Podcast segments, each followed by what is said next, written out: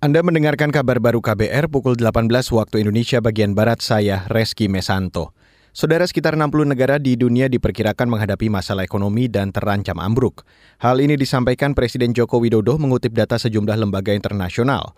Presiden Joko Widodo mengatakan pertumbuhan ekonomi anjlok di sejumlah negara merupakan dampak tekanan ekonomi global yang mengakibatkan krisis di berbagai sektor.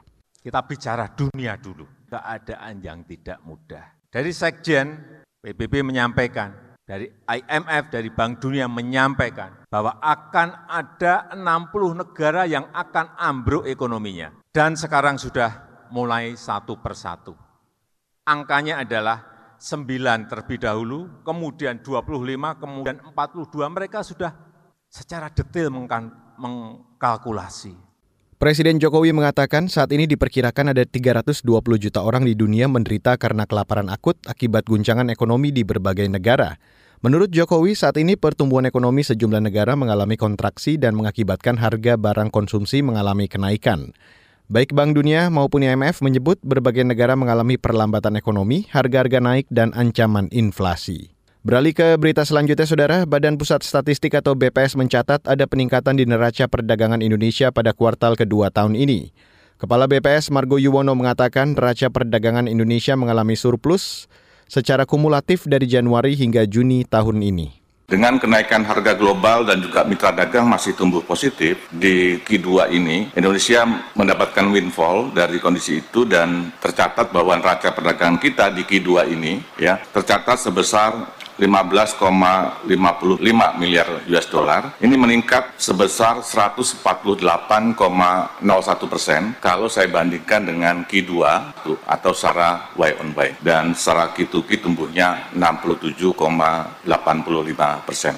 Kepala Badan Pusat Statistik atau BPS Margo Yuwono mengatakan saat ini kondisi ekonomi dari negara-negara mitra dagang Indonesia tengah melambat. Ditambah lagi ada kenaikan harga komoditas di tingkat global. Margo Yuwono mencontohkan, ekonomi Tiongkok pada kuartal 2 tahun ini hanya tumbuh 0,4 sedangkan Amerika Serikat hanya tumbuh 1,6 persen secara tahun ke tahun. Saudara pemerintah mengingatkan gelombang penularan COVID-19 di Indonesia masih belum menunjukkan penurunan. Juru bicara pemerintah untuk COVID-19, Reisa Broto Asmoro mengatakan, dalam sehari terakhir, kasus konfirmasi positif dan kasus aktif masih cukup banyak termasuk angka kematian akibat COVID-19. Pada tanggal 4 Agustus 2022 kemarin, diketahui terdapat penambahan 6.527 kasus konfirmasi positif. Kemudian, 6.664 orang telah dinyatakan sembuh dan diketahui 14 orang meninggal dunia karena COVID-19. Sehingga jumlah kasus aktif sebanyak 50.706 orang. Per 4 Agustus kemarin, jumlah kasus aktif COVID-19 meningkat 16,95% dalam sepekan dan tren kematian absolut meningkat 33,77 persen dibanding. Juru bicara pemerintah untuk COVID-19, Reisa Broto Asmoro kembali mengingatkan pentingnya pemeriksaan dan pelacakan COVID-19. Reisa juga menghimbau masyarakat tetap menerapkan kewaspadaan tinggi akan bahaya COVID-19 saat merayakan kemerdekaan dan menerapkan protokol kesehatan secara ketat. Dan saudara, demikian kabar baru saya Reski Mesanto.